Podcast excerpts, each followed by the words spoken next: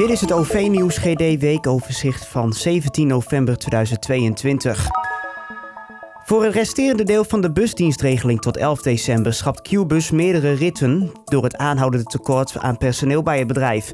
Dat betekent dat er door de week diverse ritten vervallen, vooral tijdens de spits op frequente lijnen zoals de Q-Link en Q-Liner bussen.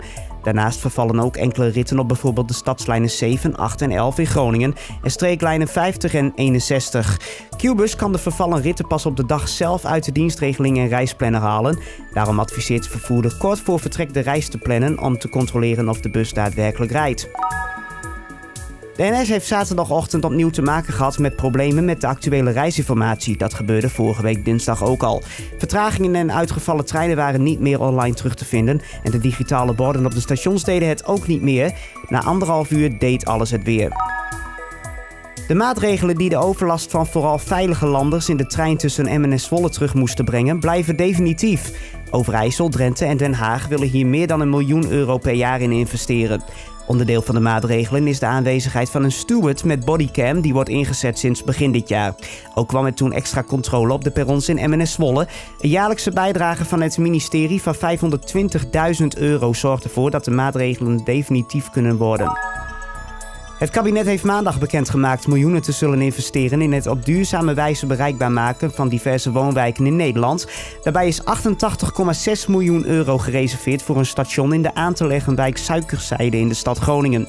Het ministerie van Infrastructuur en Waterstaat stelt het bedrag beschikbaar.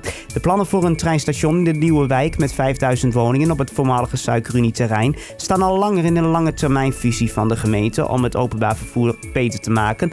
Het is de bedoeling dat bus- en treinverkeer daar samenkomt om de wijk robuust te ontsluiten en het hoofdstation verder te ontlasten. De 88,6 miljoen euro uit Den Haag is bedoeld voor de bouw van een gecombineerd bus- en treinstation. Dat station ligt aan de spoorlijn tussen Groningen en Leeuwarden, waar Arriva rijdt. Toch is ook de NS verheugd. Het Rijk, draagt, het draagt in totaal 242 miljoen euro bij aan de bereikbaarheid van nieuwe woonwijken in de regio Groningen-Assen.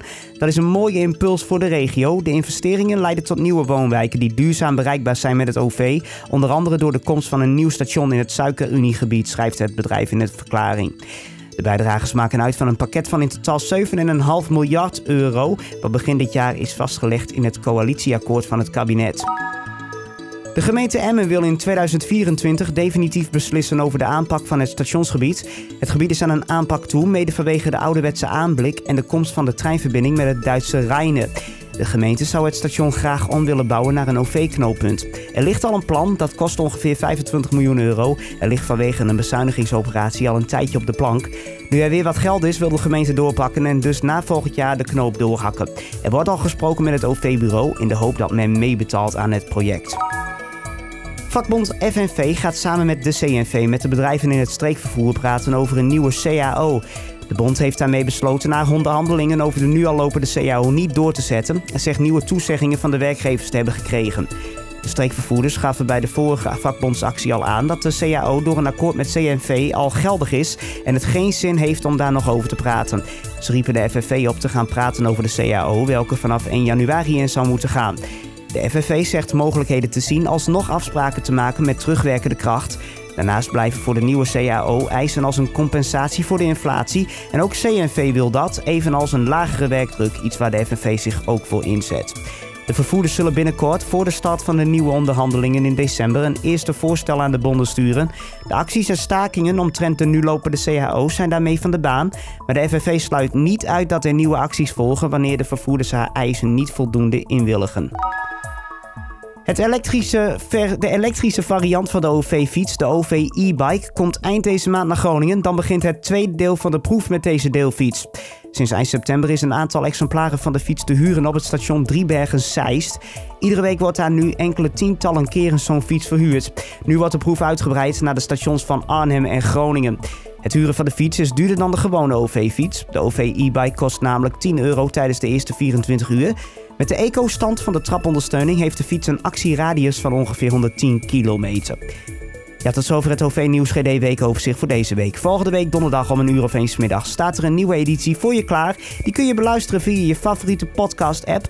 Of via de website ovnieuwsuitgroningen.nl en ovnieuwsuitdrenthe.nl.